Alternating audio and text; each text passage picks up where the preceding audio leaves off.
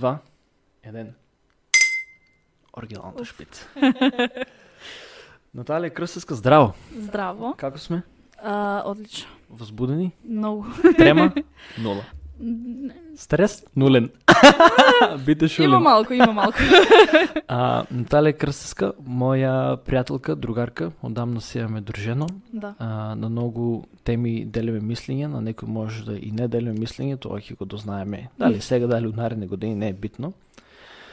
А, Наталија мене ме многу да речам, а, ми има оставено импресија со тоа што се боре за некои за некои права што и за некои да речем теми за кои што многу многу а, многу се многу се битни не само на мене, туку обштествено и на а, нели на, на достигнуваш некој глас и некоја публикација на национално ниво и надевам се дека имаш направено некој некој впечаток на многу многу млади па и да речеме постари луѓе.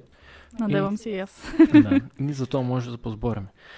А, сакам да почнам, те прашам Мгм. а, околу нешто со што прво ти беше како прво, не да речем занимање, ама прва тема околу која што си била малку така по а, passionate, која беше passionate, имаш пасија за некоја тема, Да. например, на, на, на македонски, тоа е ССО, или Сеопфатно сексуално образование. Да.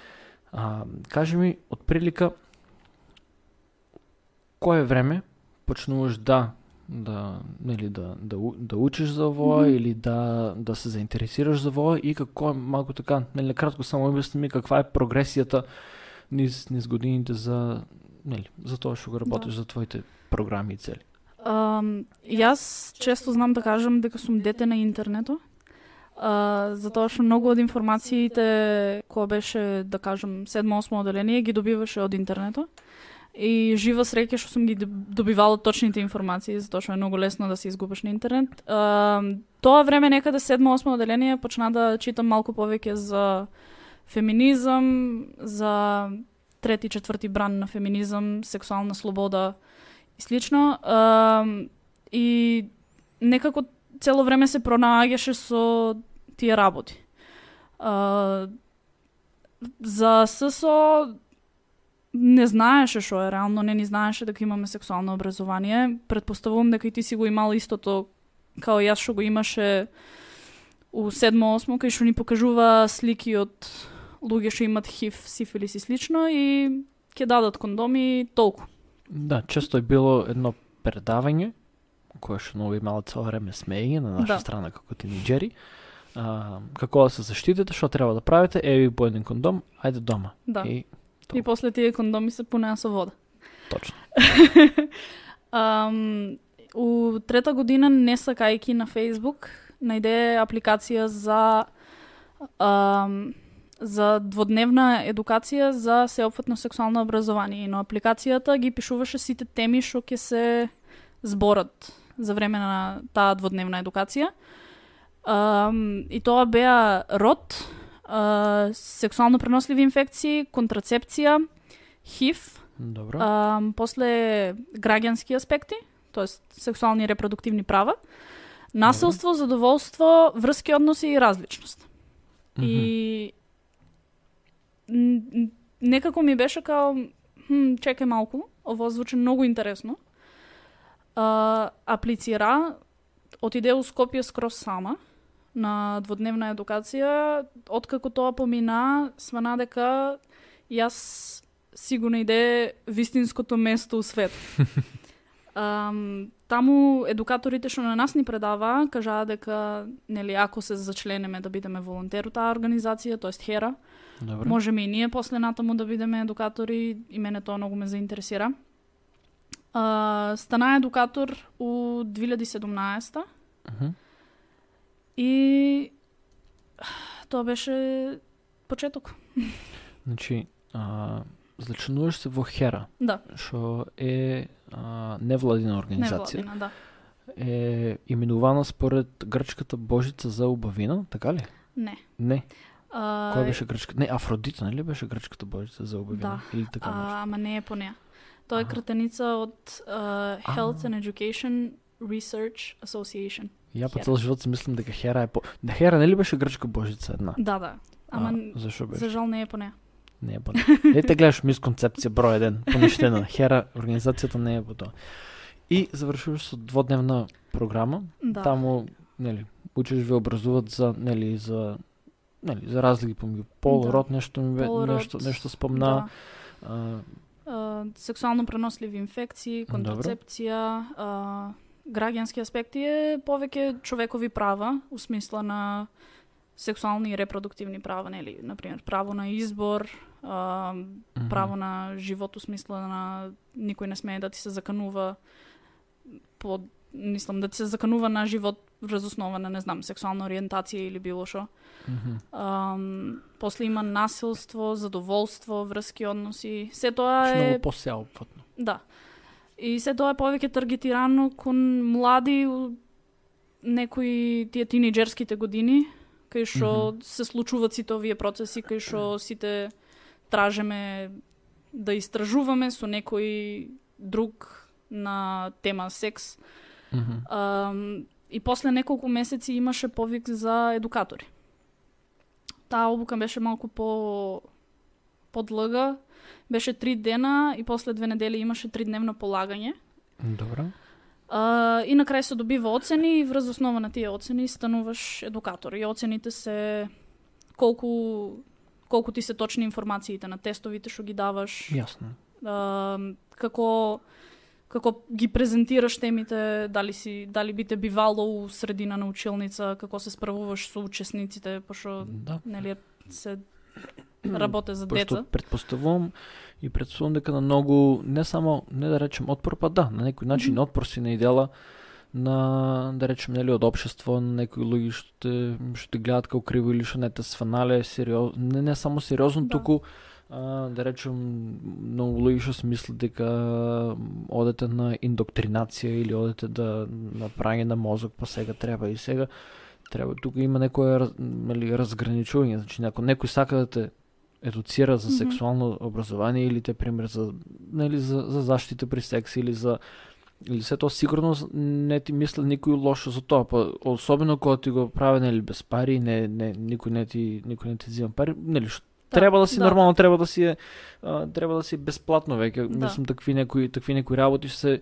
што викаш човекови права се треба да се основни и, и а, и нормално дека ќе идеш на некој отпор. Верувам и ти си наидела на многу отпор од од од општество, да, да речем не само од општеството и од средина, туку може од некои блиски пријатели што нели тога и ти биле пријатели, може Да. веќе не ти се што нели некои логично мислат дека се финансирано од Сорос или такви некои такви некои работи, нели секој да, пат ќе има. нели. Сорос. Значи си наидела на на на некој отпор. Да, има има отпор и како што кажате и од општата популација вака околу мене, ама има и отпор и на пример од школите. Кога сакаме да отидеме да предаваме, кога слушнеш сексуално образование, сите мислат дека ние одеме и ги учиме децата, ајде сега ќе ве научиме како да имате секс. Што не е точно. да, тоа е подруга професија. Ам, ама малку, мислам, малку е покомплицирано за тоа што ние не не од, кога одеме на едукација не ги даваме нашите мислења за темите. Ние даваме факти кои што се многу со истражување. На пример, најголем дел од информациите што ги користиме се од СЗО, од Светска здравствена. Добро. Ам, Во последно време има многу многу голема речем критика или или неверување у СЗО што некаде е подражана, значи Да. нели, а не не не успорувам тие работи, зборам за нели за, За моменталната Да, ситуација, за да. моментална ситуација, значи беа излезели пред многу време а, со податок дека Мгм. не се нели вирусот не се пренесувал од луѓе на луѓе или бил многу ниско или дека маските не би имале толкава заштита, што Да. нели не беше баш најточна Да. информација да речем, барем според мене. Небитно.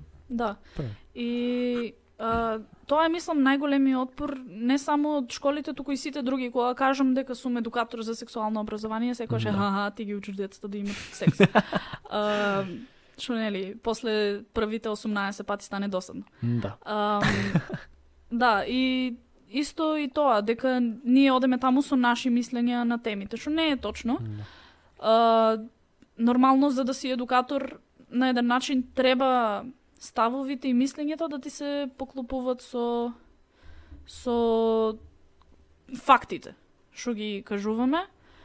Um, и сваќам дека на момент може да звучи како да переме мозоци, ама нормално секогаш кажуваме дека е Зашо да би звучело нешто на момент дека перете мозоци? А, па, например, за темата различност кога одеме, збореме за различни сексуални ориентации од хетеросексуалност. Добро. И сега живееме у општество кај што хетеронормативноста е нормална за нас. Прилично нормално, да. Да. Um, и кога отидеме за да збореме на оваа тема и кажеме, например, хомосексуалноста веќе од 90-тите не е рачуната како ментално нарушување. Или како девијација. Да, или како девијација. У тај момент може некој да си помисли, а па сега вие тука дојдете да не ги перете мозоците за да станеме и ние Јасно. Па хомосексуалци. да, факт е дека живееме у малку по, по да речем релативно Да. по-конзервативно општество, иако мислам дека тоа малку се мене у последните у последните неколку години. Мислам не, можда не толку голем процент, ама полека полека мислам дека луѓето стануваат полиберални у смисол да младите стануваат полиберални, значи што постарите, Да. зборам постари од 30 на години, да речеме, повозрастни, да речеме, од 30 на години па нагоре. А, мислам дека тука имаш реално мала шанса дали да променеш некое мислење, пошто нели а, па така се израснали и тоа Да. делумно, сега може малку контроверзно, ама мислам дека делумно а, не се самите луѓе криви толку многу, сега пре- Мгм. полека само.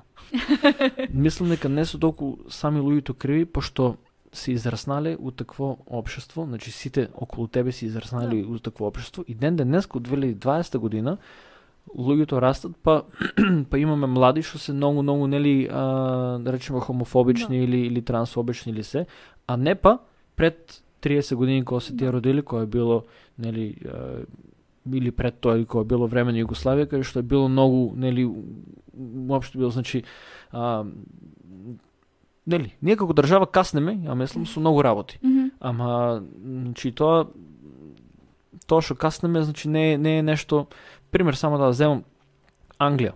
Мгм. Самата Англија мислам 50 60 се биле многу хомофобични луѓето и се ја декларале ментал во каже го хомосексуалноста како ментална болест. Да.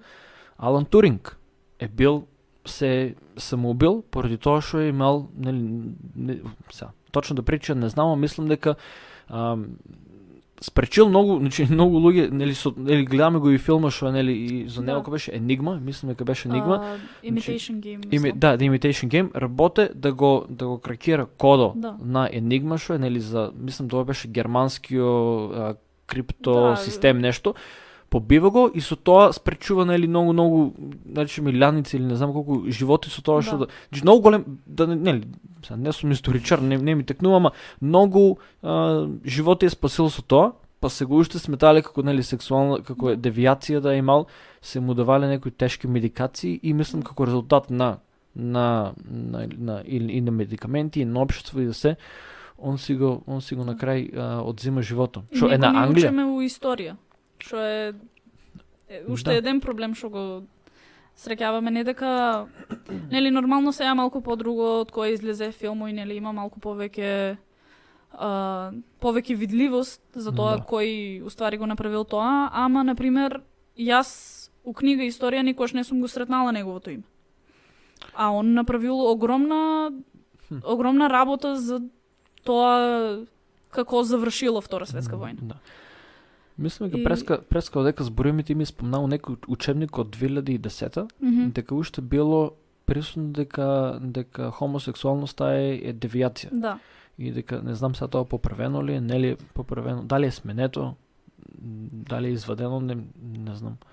Има има неколку и не само кај мене на факултети, има и на неколку други факултети кај што се среќаваат такви податоци што се застарени.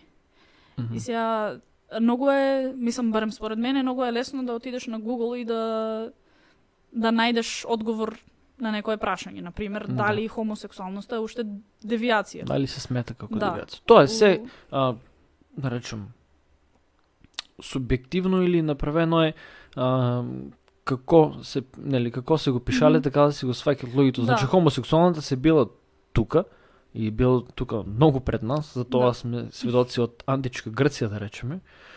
А, и не е нешто што е, нели, што е било ново или со која цел се е стигматизирало низ годините, у текот на историјата зборам. Значи, у античка Грција сме видели нели статуи и пиш, нели и пишувања и, и се дека тоа е било речем многу понормативно. И сега Да. каде доваѓа тоа дека нели кај почнува имаш ли некоја идеја од кај почнува тоа стигматизирање или од кај Највеќе се највеќе се збори за среден век дека е као почетокот на на таа стигма против хомосексуалните луѓе. од инквизицијата, од црквата или? Да. Затоа што, нели- да, да простам за тоа. Да простам, никој нема да збрам. Да, па мислам хомосексуалноста не не произведува како да кажам репродукција. Тоа звучеше лошо. Да. Ама као нели со со хомосексуални сексуални односи не може да, Да. се дојде до Да, да, да, до, зачнување. така. И тука е еден проблем кој што црквата се боре да го како да кажам да, да, го- да го спрече тоа да да не да не се репродуцират луѓето. Да, па мислам, имаше мој, мој, мој, еден од моите умилни комуничари, многу е не писи коректен, Рики Джервейс, може го знаеш. Мгм. А, многу сак, значи какви забанци, значи какви какви настави беше му на настап у Барселона. А, многу сак. Мислам, многу ми е така чил, никој ништо не може до него да имаше многу, не знам дали го имаш гледам, ги тоа пуштам, имаше многу интересен а, нели дел од нели на стендап кој што збора за Господ и за хомосексуалност, за хомосексуалноста и кажува а, дека дека а, Господ е Мгм. всушност геј. И вика, вика Господ и вика геј.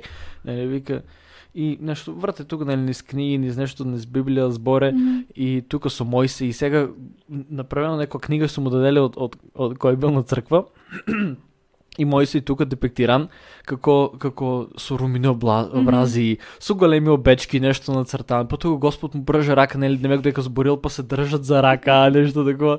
И и и нели и сега вика и вика нели ути потопувал, Господ mm потопувал земјата тогај. И вика сега ќе го поплаваме, нели ќе го поплавам цел свет. Ама вика тебе не, тебе, тебе, тебе, ќе даде. И вика малку знаеш така да прави се звучи геј. Да, да, да. И вика те, вика не. И нели тука со румини обрши ги нешто вон, вика шо вика ти со, кој- со, со Господ ли збориш, со кој не збориш? И и и леле шо беше нешто на крајо нешто нели вика нели да пишал Господ тугај а, никој пат нели у Библијата пишувало маш нема да лежиш со друг маш и тука мој се го прашал вика а жените А, мој, добри се, вика, не ги сакам. нели го ништо за жените. И на крај, нели, која а, символ, најинтересното нешто, вика, символо, а, кај што, нели, завршил потопо, кај што завршил потоп, кај што, нели, почнале палуѓето да се ну- насолуваат, животните се размножи се то, и, нели, што, нели, растргали со облаците, Мгм. и Господ вика, вика, нели, символ како за љубовта, за живењето, сите заедно и пушта виножито. мислам, не, Да. згечува е, мислам дека најмалку 15 пати го имам гледано а, и, и ќе го гледам па, значи многу ми е интересен. Да. А, ништо, да преминам, да преминам надолу доста од Рики Джервейс, он си, он си има своја слава. А, моментално си член од нова, не речем нов, да, нова невладина организација што се вика Период или Период. Непрофитна. Непрофитна. Да. Јас како кажам? Не владин. Не е невладина или? Не. Не, има разлика. Да. Добро. Владината зима владината ги плаќа вработените. Ние сме Добро. непрофитна, тоест не, не зимаме, немаме никаков профит од тоа што го правиме. Мгм. Јасно. Освен нели да се осеќаме убаво. Да. Добро, и со период, значи период Мгм. доваѓа од англискиот период, што значи Менструација. менструација. Да. И што ви е целта, какви програми имате, каква ви е замислата со период? Мгм. Ам, тоа е првично непрофитна што е направено у Америка. Мгм. Малку е лошо, ама не знам точно кога. Мислам дека 2010 Добро. Um, и целта е да се скршат малку табуата околу менструацијата, односно, нели, малку да не биде толку срамна тема. Добро. Um, да се едуцират малку повеќе младите за за тоа што е тоа и за што се случува и како се случува и да се um, да се намале а, менструална сиромаштија. Тоест Што проблем значи тоа мен- менструални ам, сиромашни? Да, на пример, сега ќе ќе го кажам како пример затоа што Добро. не знам да го дефинирам убаво, ама ам, менструалните продукти кај нас се класифицирани како луксузен продукт и имат 18% ДДВ. Добро. А, што јас не знам како може тоа да е луксузен продукт, која е нешто што А се како, случува. како луксузен продукт? Како На пример како што е шминката. Добро. Затоа што шминката е нешто што можеш да го користиш, ама не можеш. Добро. Менструалните продукти, улушките, тампоните, тоа не можеш баш да го одбегнеш. Мораш на некој начин да се Точно. справиш со целиот тај процес на менструација. Така. И по таа основа не треба да биде да има 18% ДДВ, Добро. затоа што е биолошки процес кој што мораш да се справиш со тоа, хигиена. А зашо да не се направи некој фонд Мгм. И тие да бидат достапни без пари за целата женска популација? Зашо да мора и да плаќаш за улошки пример? Значи не е нешто за кое што не е нешто за кое што дома можеш да ли. Јас зборам како ја да имам секоја менструација. Немам, ама добро, окей. А, зборам беше не е нешто без кое што не можеш или како а, не знам, мое лично мислење е дека Мгм. треба да има фонд. Мислам дека некој од скандинавските земји дали има направено, нешто имам слушано, Мгм. ама слу, служувам се со идејата да има некој фонд и тај фонд или не знам, дел од не знам од од кај би иделе парите, Да. не, не сум јас тај што треба да ги направи тоа, ама мислам дека има оваа држава дека има доволно средства за некој фонд и таа да плаќа фондот на приватна компанија и приватна компанија да ги да ги прави што може, нели, без нели без маржи, без тоа, пак има и приватната компанија ќе си има нели профит и ќе си има се тоа, ем ќе Да. Зашо да не би било е сега, нели има тука повеќе проблеми, нели како ќе ги распределиш, Да. да. не земе некој 10 па да ги продава, па нешто, не знам, да, ама малце...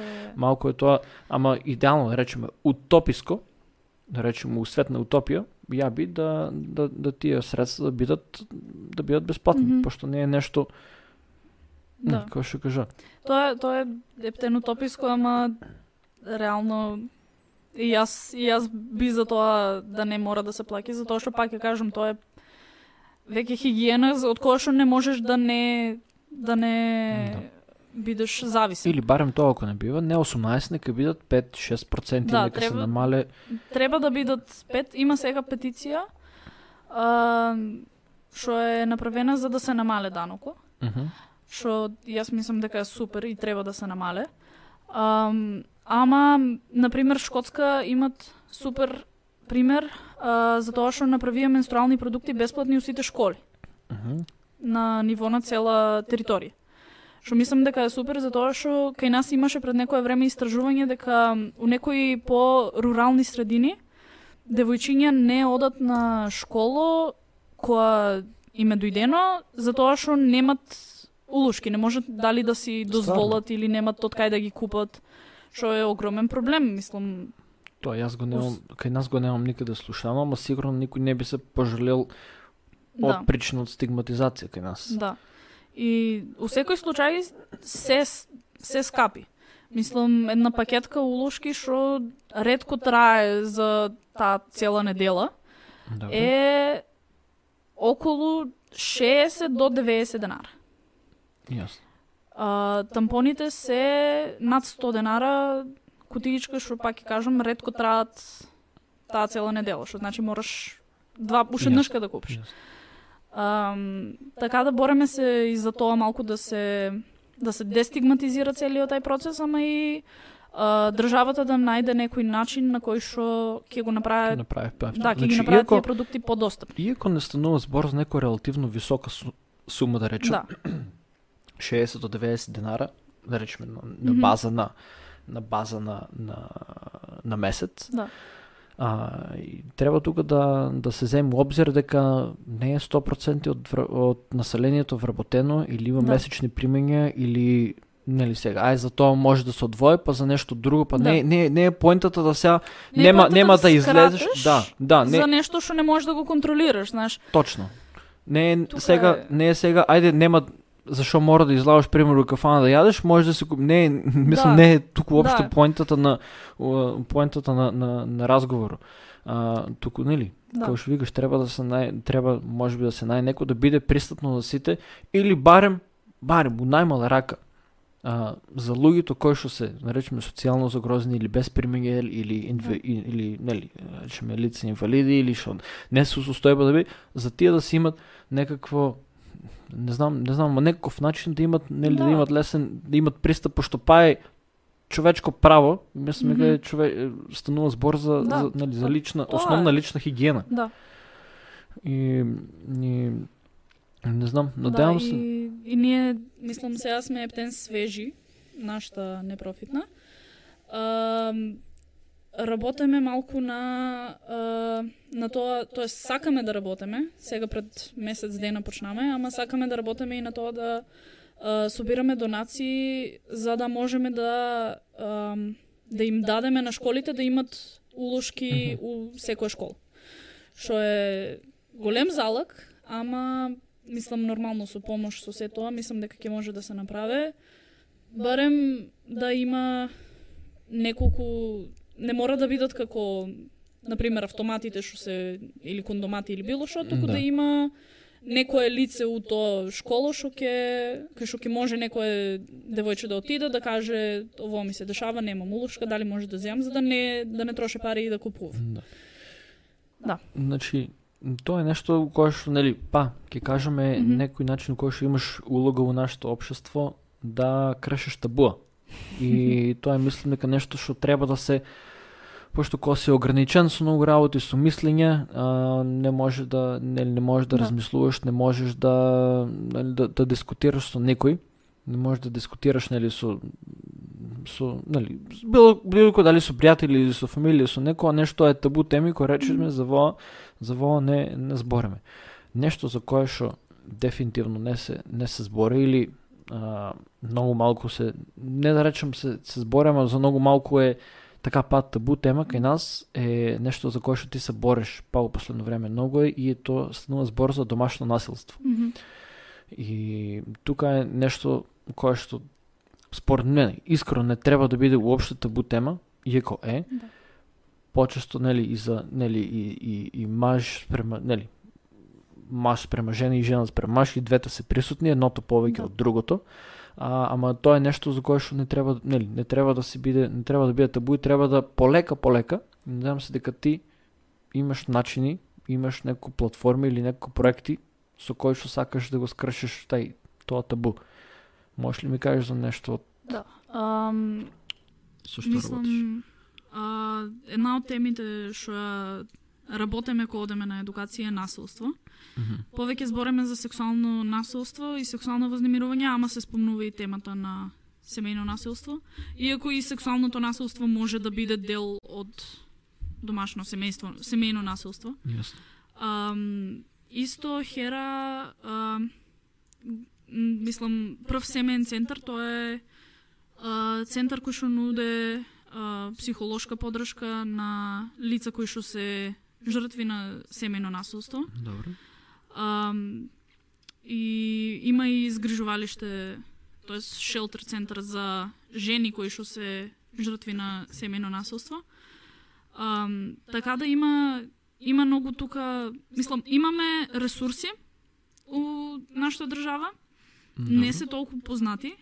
А, ама и многу многу малку луѓе сакат да ги искористат. А, мислам и сам кажа, тоа е семејното насилство за жал уште е табу тема.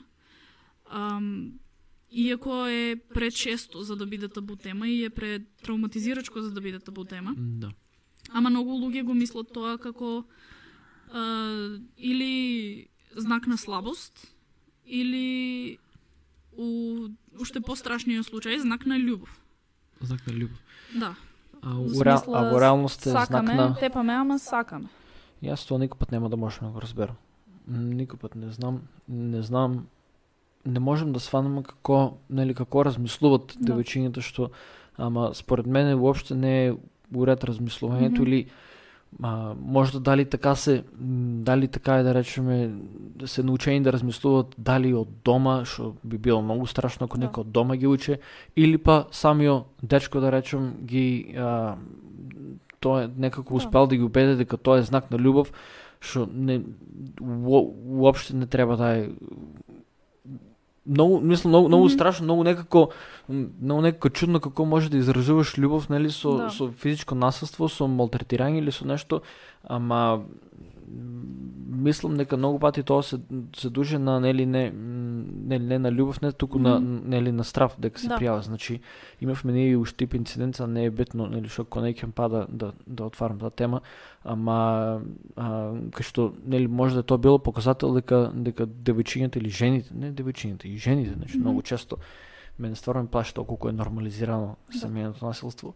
А, дека се плашат дали ќе ме најде или ќе ме пријави или ќе ме тепа и, и, и Мгм. дали нели ќе ме тепа или ќе што најжално ќе чуат комшиите или ќе зборат комшиите што е не Да. значи а, за, за ако има некој некој девојче или жена што и мине низ тоа и што се мислиш дека нели комшиите ќе чуат верувај дека мислам верувај сакам па да потенцирам дека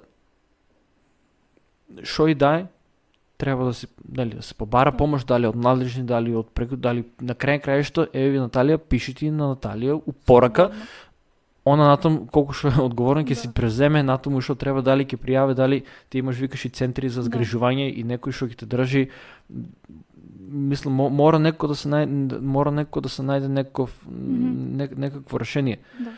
Um, малце, малце е тоа многу комплицирано. Мислам, вака од страна кога се гледа многу многу е лесно и јас цело време го правам тоа, пријави, пријави, пријави. Не е толку лесно, Не е уопште лесно чим да се толку излезе од таква да. врска. Многу многу луѓе и мажи и жени се у некои ситуации зависни без разлика дали економски или психолошки се зависни од партнерот. Да.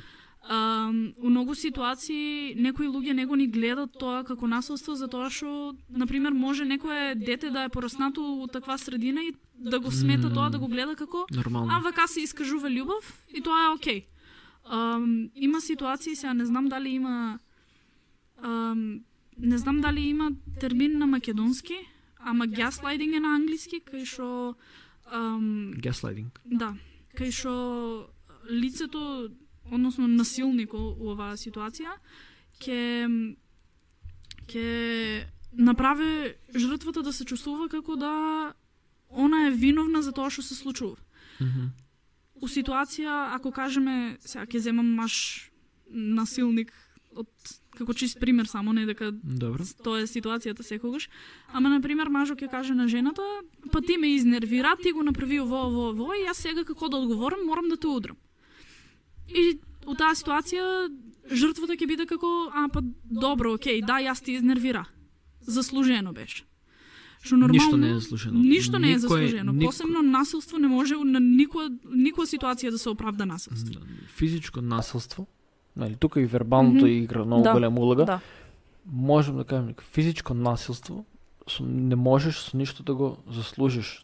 Дали ќе биде со изневерување, Да. дали ќе биде со не, неверување, значи ако си маш, маш да речем, вистински маш веќе, ако нели, по збора, малку не писи корект, ама ако веќе имаш карактер да си Мгм. човек, а, или ќе закјутеш, или ќе си не закјутеш, ама ќе си најдеш некој начин, друг начин, дали ќе оставиш еден, дали ќе се разделите, дали нешто, а, одмаздата па не оправдувам, ама физичкото насилство никогаш не треба да ти биде, Да. как, што ја направиш не треба да ти биде изговор или, или решение, да. Да. да речем. И, и ти тоа што го кажа за комшиите.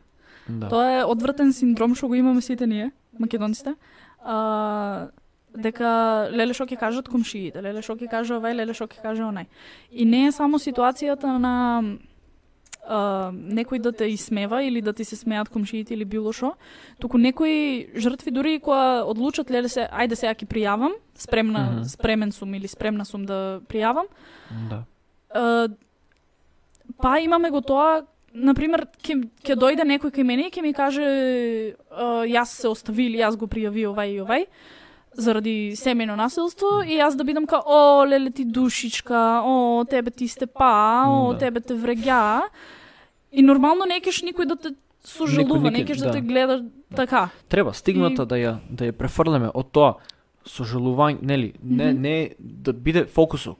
Ако слушнеш некој, некој слова, не треба да биде фокусот на или да биде нели фокус на Да. срам, зборам, као колективно општество треба да си го смениме мислењето, не треба да биде сожалување, Мгм. нели на на на на жртвите и тоа да биде решение, туку срам против Да. или о, осудување, Осудување, да. осудување на онај што е бил насилник. Не е битно Да. дали маж или жена, пошто нели а, сега да речем прилично е прилично нели мислиме дека позастапено е а, физичко насилство мажи Мгм. против жени, нели од мажи на жени. Да. Ама сигурно имала се искуство или се слушнала или има доста случаеви што не можеш и да ги замереш дека има и од и од жени и од жени кон мажи и тоа е подеднакво да. загрижувачко или застр... за...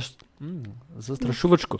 Мгм. И а тоа е уште по, значи уште повеќе постигматизирано е Да. пријавувањето пошто јас не знам никој што е пријавил или сум да сум чул за некој да пријаве, барем кај нас, Мгм. а, а нели, насилство од жена према маж. Имаш ли ти некои такви искуства случаеви?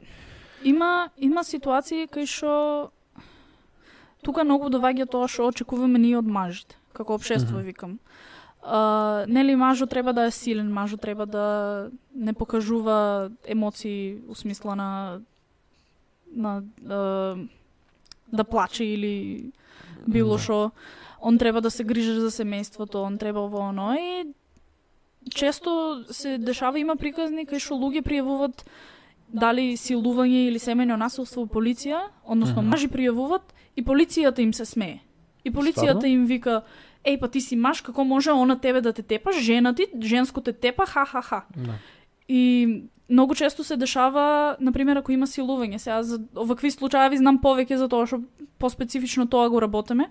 Добро. Ама а, кога маж или ќе пријаве дека е силуван, секогаш ќе биде и сигурно ти се не знам колку смеам да бидам вулгарна. Смеам ли? Колку сакаш биде вулгарно ово? Сигурно ти се надрвил, сигурно си свршил, што свршувањето не е нешто што може да се контролира.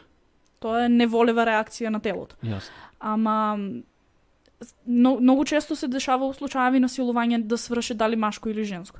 И тоа не е нешто што ние го контролираме, туку тоа е едноставно нешто што се дешава, ама често се користи против мажите за да биде како а па ти си свршил така да не е силување, ти сигурно ти се свиѓал. Хм. Силувањето е насилство. Не знам Те тоа е кој свет- те мис тоа е мисконцепција Да. што може јас се сега слушам, може mm Мгм. јас би не мислам не има не, не сум работел со со вакви случаеви и при мене интуитивно а, јас би размислувал ако некоја жена е силувана дека не не не е можно нели да има не е можно, ама не не е веројатно да има да речем да доживее оргазам или да свршува пошто нели очигледно не ужива или е травматично или се Да. тоа а, што тоа не сум знал дека е дека е исклучок. Малку, да, малку е подруга кај жените, малку е потешко затоа што целата биологија и анатомија кај жените е малку покомплицирана. Ама па Пази, пази тука со комплицирано за жените. Ти не си таа што треба да кажу. анатомијата е комплицирана. Анатомијата, е, дека така. се- а, да анатомијата не мора да биде комплицирана. Ама да, у таква ситуација тоа е стварно неволева реакција што не можеме да ја контролираме ни ние жените ни мажите. Ам, и сега па тоа често се користи против мажите како ти сигурно си уживал, свиѓало ти се како може да не икеш да имаш секс у ситуација на силување. Пак и девојчињата е па Гледа, има многу мажи што може и фантазираат за тоа да бидат Ама- врзани, да бидат не да речем силувани, ама може и многу мажи уживат си тоа. Има и Има- има, не, сигурно има, има- и мажи има што стварно си уживат Има тоа. кинкови на силување, ама Да. тука е разликата што и двајцата се согласувате да улезете у тај однос. Кај Да. силувањето, поентата на силувањето е дека немаш согласност од едната личност која што е силуван.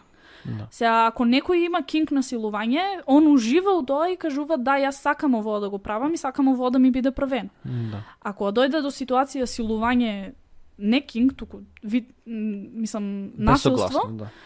тука едното лице не ужива у тоа, не ќе тоа да му се случува и има огромна стигма и кај мажите и кај жените, кај жените е нели, а шо шо направи ти? Како Да. беше облечена, дали беше пијана, кај одеше, со кој одеше, темно ли беше? А кај мажите уопште не им се верува, затоа што силувањето како сексуален однос се смета дека мажите сите треба да сакат да имат сексуален однос. Да. Има не е интересна, една интересна поента спомна, кај што кај што кажуваш, нели, и тоа многу често и кај нас го има, укривуваме а, blaming Мгм. the victim, што Да. вика укривување на жртвата, нели за за а, нели зашо се носила, дали си била провокативна, дали си пи, била пијана, дали се составила ситуација. И сето тоа значи никое нели како насилството, никое нели силување не не е оправдано без Да. нели согласност на друг. Е сега, тука можда малку е контроверзно, контроверзно. Не знам точно, ама те ќе кажам. Па ти може да ви поправи ме Мгм. слободно. Значи, не е окей. Воопште не е окей и не, не фала Богу не оправдувам нели силување или се тоа. Да. Ама има у, у, у, у рамките на општеството. Како што знаеме дека малку е Да. по-така, нели малку сме по-конзервативни како општество и, и, и се тоа.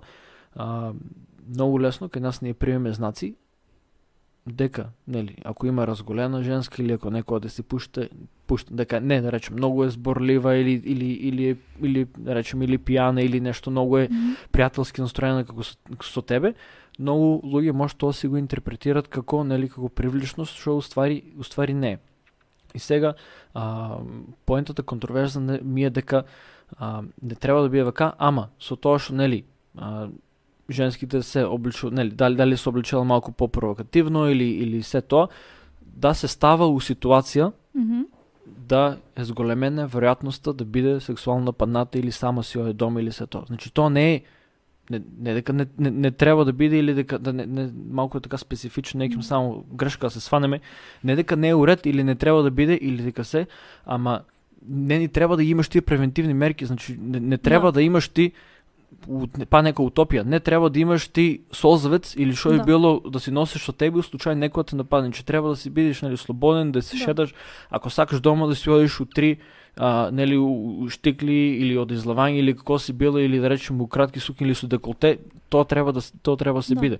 Е сега не не не икам да речем обвинувам обвинувам ги нели нели а, обвинувам ги жртвите, ама со тоа са мислам тоа има контрибуција прави кон тоа зголемува веројатноста нели нешто да се деси. Тоа не е уред, не е уред и не викам дека сега треба да да, да не се облечуваме или да не Мгм. и, да, нели да не се облечуваат ко- кој што сака треба да се облече.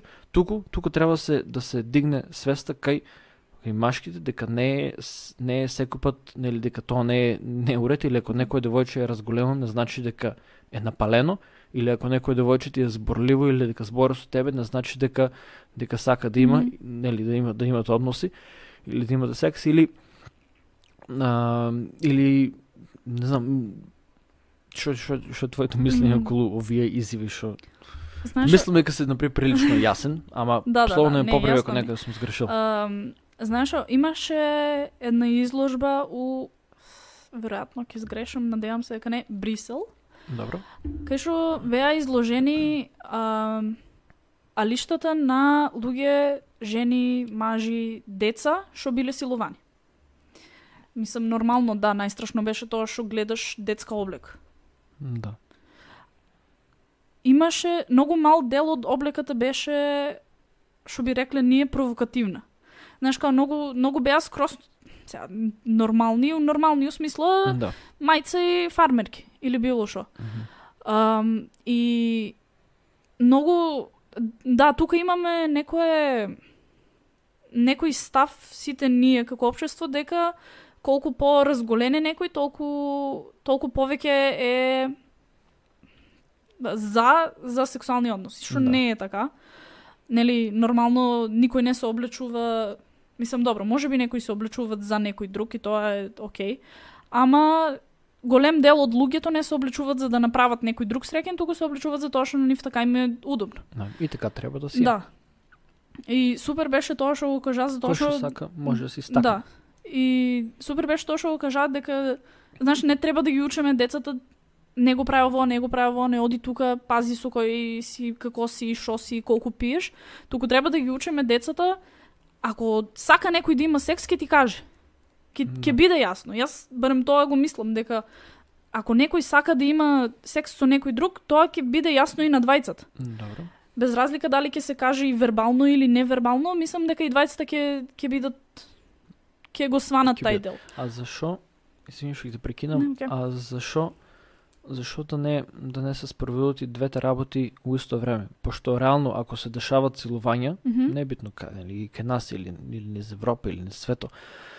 Ако се дешават, нели, силување, пример после излавање или дојка си упијано состојби да се, зашо да не се даде мерка на предпазливост и у исто време и да се нели и да се едуцира пошто реално реално Да, да, да. а, постое постое нели опасноста и со тоа што не мислам одговор не е да престанеме Да. да кажуваме на пример на младите девојчиња пазите се пошто ако веќе дојдело у, у, у, до, до степен мајките или родителите да Да. речем да, ја кажуваат на на на малите на, на децата пазите се значи сигурно не е неосновано ама у исто време треба да се фокусира и Да. и на другиот дел Не, нормално, нормално треба да се Мислам, јас сметам дека сите треба да бидат предпазливи, на пример, кога да, да пијат или да излезат или било што и да прават. Um, ама поентата ми е а, да не ги учеме као усмислена ако му кажеш на на пример на девојче, ако му кажеш немој многу да пиеш, што ти ќе те силуват, ти уствари ставаш у главата, ако пиеш, ти си крива што си силуван. да да што не е уред Да, што треба да се разграничи Да, тука тука ми е проблемот. Нормално треба да ги учиме сите деца дека треба да бидат предпазливи, да како да се заштитат. Не само од силување, од било какви напади. да Ама да не се става у главата дека они се виновни за тоа, туку да се учиме, да ги учиме децата да не го прават тоа на некој друг. Затоа што нормално ако ги учиме сега сите деца на светот ако од мали се научени да не го прават тоа, нема да го прават тоа. Затоа што ќе знаат дека е погрешно. Па, не знам дали сите Мислам, не би го да, правеле, мислам дека па има некои Да, има некои луѓе со такви карактери што се де, Мгм. нели има со девијација што не поштуваат Да. а, авторитет или со такво нешто, ама значително сигурно може да се намале. Да. И мислам дека треба и на, и на тоа и на тоа да се работи, ама да не се занемари едното. Значи, а, и, та, и ти само така кажа на Мгм. изложбата, значи не, луѓето, процент на жените што силуват, не знам, јас не знам дали имаш него статистика, колку се после, да речеме, после излегување. Дали има некои што се силува, по- пошто има и, и, Мгм. и дома има, нели, и може и да, Да. бидеш и, и, и у брак со некој Да. и да бидеш силуван. Значи да, Да. бидеш, нели, па домашно насилство, преска што го збориме. Мгм. У Англија, знам учиме ние по право, по право, која година беше, мислам дека беше или 80-те или рани 90-те, Мгм. до тугај законски било да не може не, не, не бисам законно било да не, не, не може да, да те силува Да, брачниот брак. партнер. Мгм. Што е мислам многу, Апсолутно. мислам професорка што ми предавал у, у, по, по право, а, а, мислам дека очите ги преврте едно 10 пати у 10 минути, значи дека објаснуваше нели како е и Да. дека а, не знам кај нас дали мислам дека не пос- не постои некој таков закон или Глеј, рестрикција. не се што е на хартија е исто у пракса. Точно. Затоа што за- да, у закон немаме дека не сме не може да те силува брачен партнер, ама нема да биде иста реакција на пример ако отидеш да пријавиш. Оти у полиција да отидеш и да кажеш маш ми ме силува, како може да те силува, маш ти е у брак сте, нели? Затоа што имаме некоја не знам, имаме некое верување дека ако јас стапам у брак со него, тоа значи дека јас цело време ќе сакам да имам секс, затоа што сум у брак со него. Што не е точно, нели па да се им да имаш секс е чувство, желба.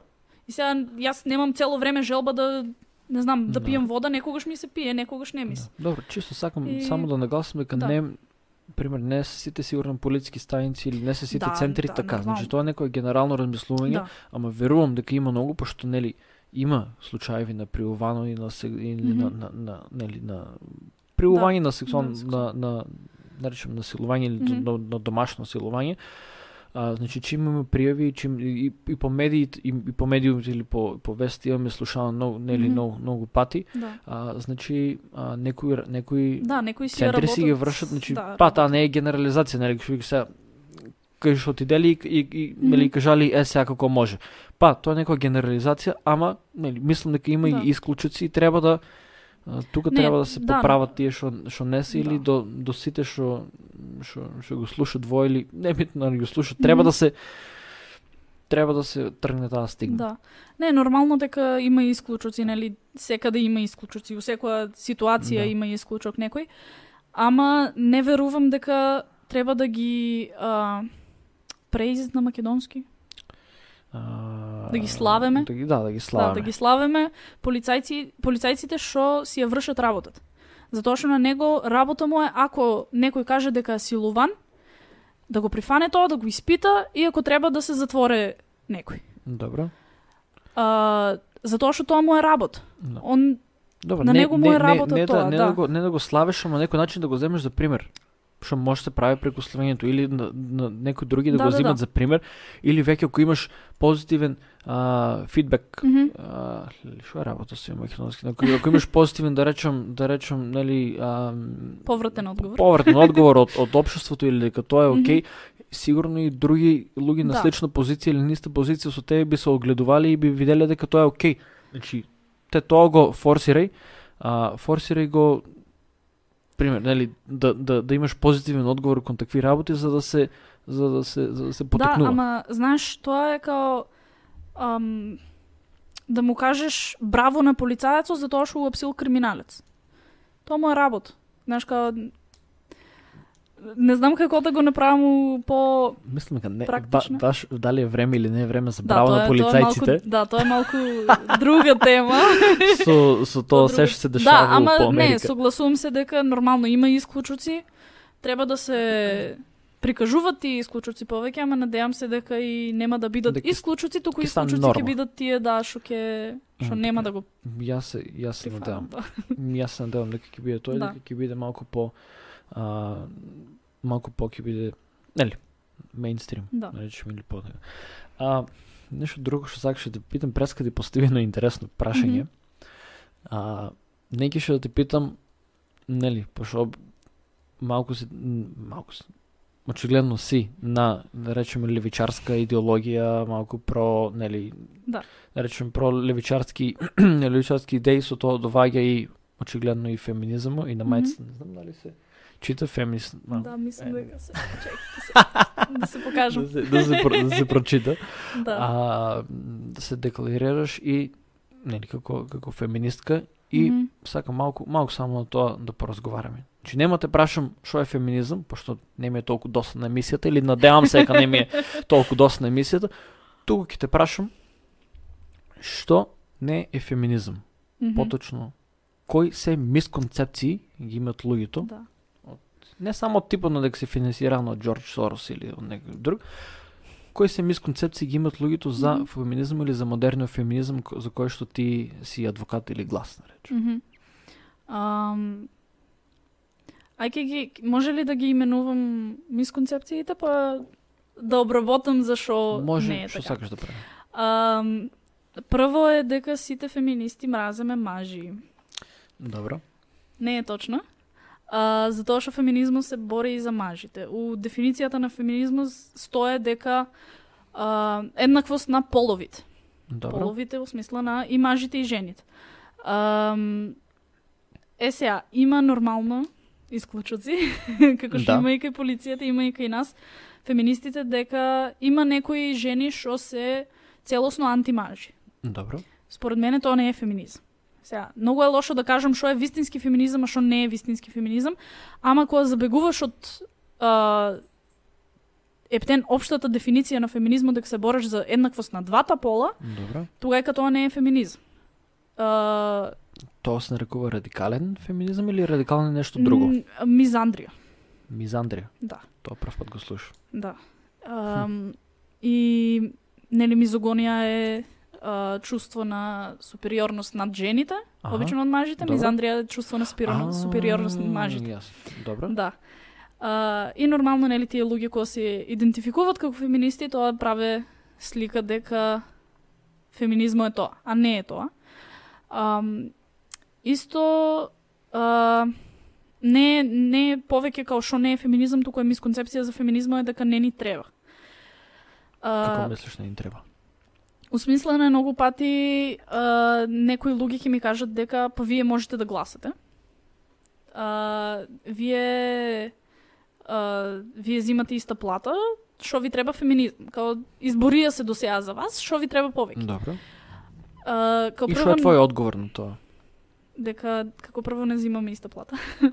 а, последното истражување, тоест последните информации што јас ги имам, е дека а, wage gap кај нас, тоест колку која е разликата помеѓу платите кај жените и мажите е Македонија? 12%. Да.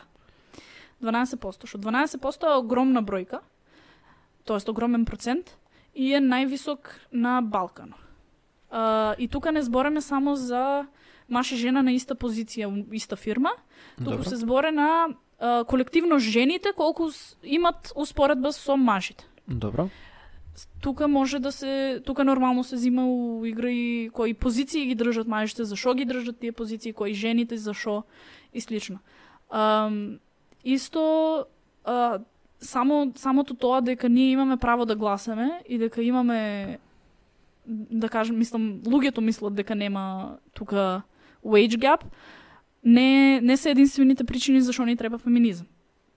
А, жените и мажите се целосно различно третирани на сите у сите сфери у општеството. Добро. Нормално не секаде, ама генерално е тоа. Нели жените се гледат како негувателки, како тие што треба да бидат дома и да се грижат за семејството, а мажите па дека морат да да работат и они да економски да се грижат за семејството и нели кога имаме отстапување тогава кога се дига фама дека не Добро. треба тоа така да биде. А, исто и а, третиот и четвртиот бран на феминизма малку повеќе се фокусират на тоа, нели социјалната пер, као перцепција на мажите и жените у општеството. Исто и на сексуална слобода. Тука станува збор за, мислам, јас зборам за ам, како се гледат жените што се посексуално активни, успоредба со мажите што се посексуално активни. Нели жените што се посексуално активни се нарекуваат со поградни зборови курва, било шо, а мажите што се посексуално активни, тоа име како некое како да кажам ам, нешто со кое што можат да се фалат. Ам, и нормално тоа е уште една од борбите Да. за кои што ние се застапуваме. Добро, ќе направиме еден, еден чекор назад само малку. А, тај многу, мислам дека е многу и реално е, мислам дека многу голема тема и многу голем, Мгм. да речем, проблем или, или да речем, точка на дискусија за плаќањето помеѓу нели жените и мажите и дали колку еднакво. А, прво нешто сакаше да спомнам дека може да Сара ќе виде, ако може да виде на како беше некоја страна, дали нешто беше економија Македонија или нешто.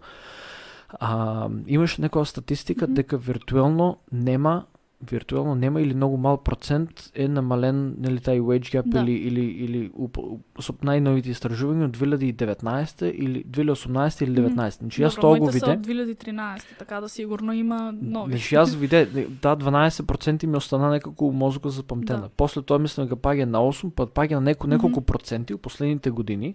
А, ако може Сара да прогугла, може ќе може ќе ја најде, може нема, не битно ќе такво ќе ќе ќе ќе ја побарам. Да. Ама баш ми беше шокирало, ама ќе ќе побарам ќе те пратам Да, баш да, така и, и нареден пат да дискутираме Да. за ово, дека виртуелно ја нема у Македонија тај или нешто не, неков процент било сведено. Така да, да. а, мислам прогласи баш сакам да да да дискутирам Мгм. дали е тоа дали е тоа беше нешто еко, мислам дека економија Македонија или нешто такво, ама на македонски ќе биде разлика во платите, нели пише истражување, разлика во платите.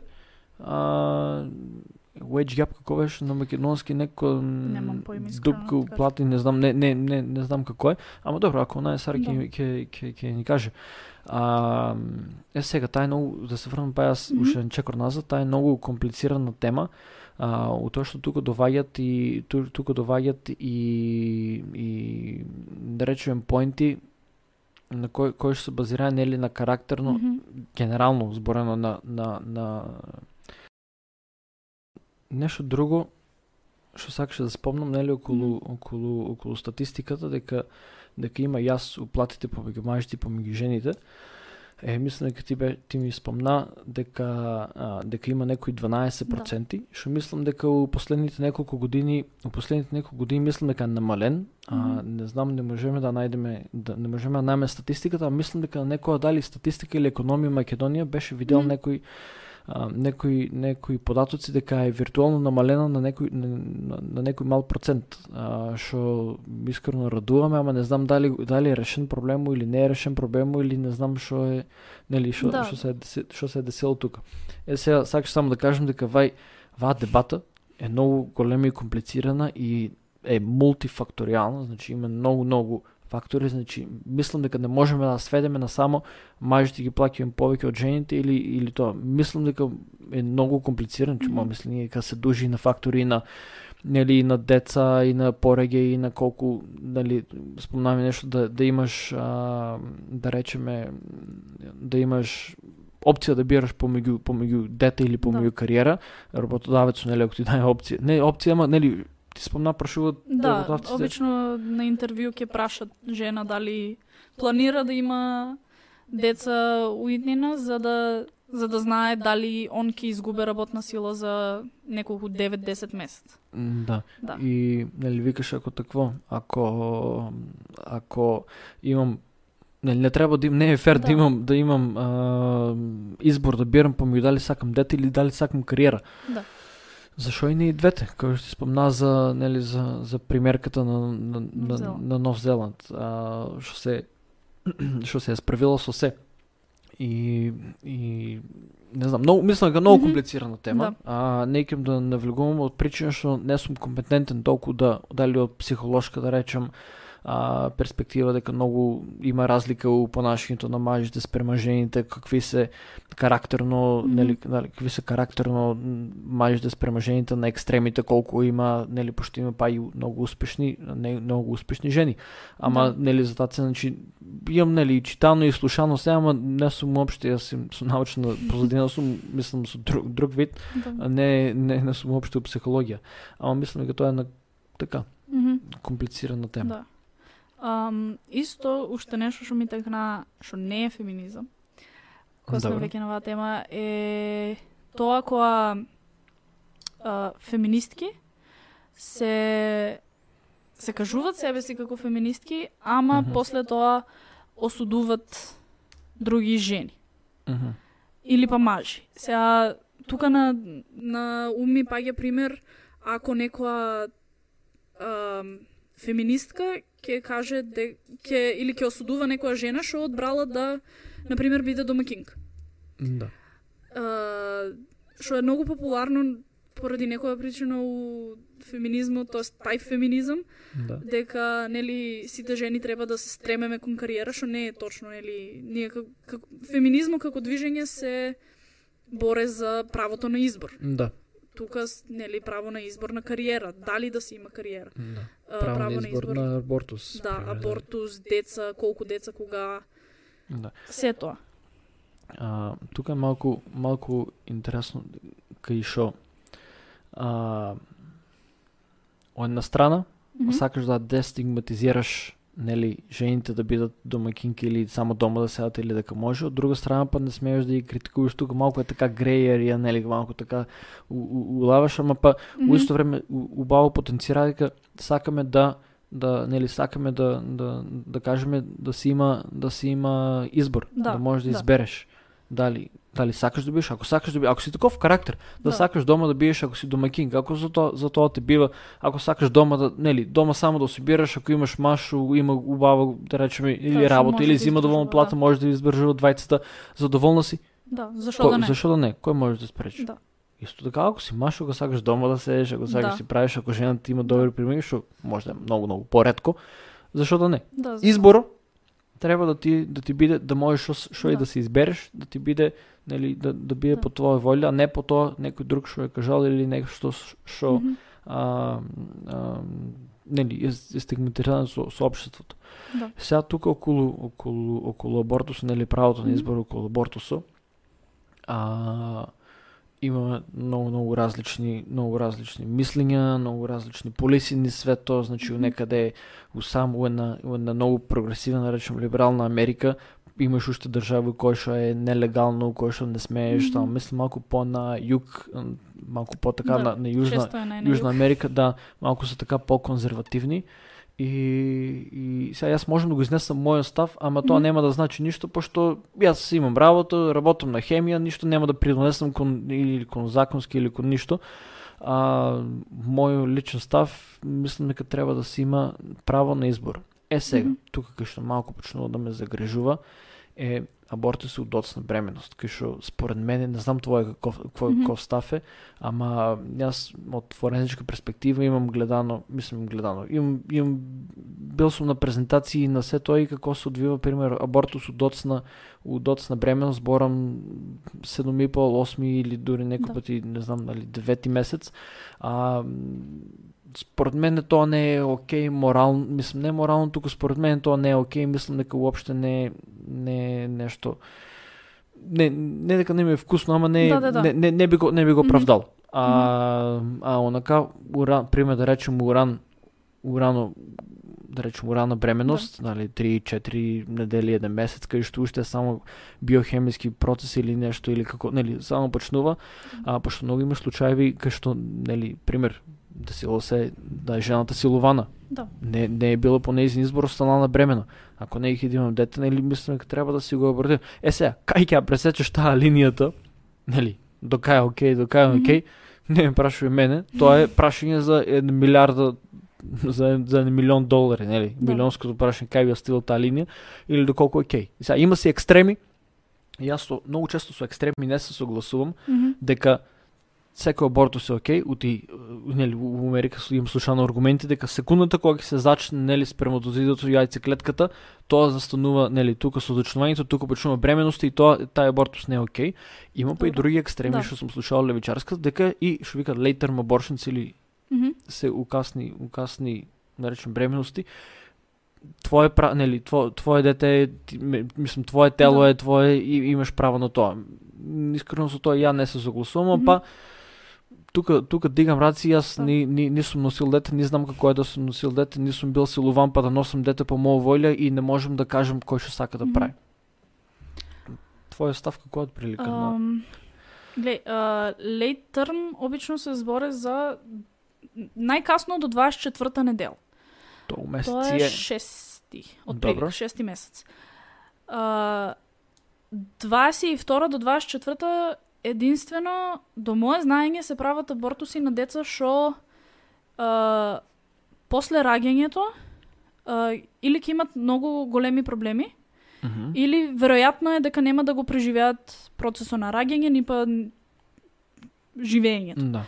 А, Големи проблеми мислиш некои физички или проблеми физички, или да, или конгенитални нешто. Да. А, најчесто е физички. нешто. Да.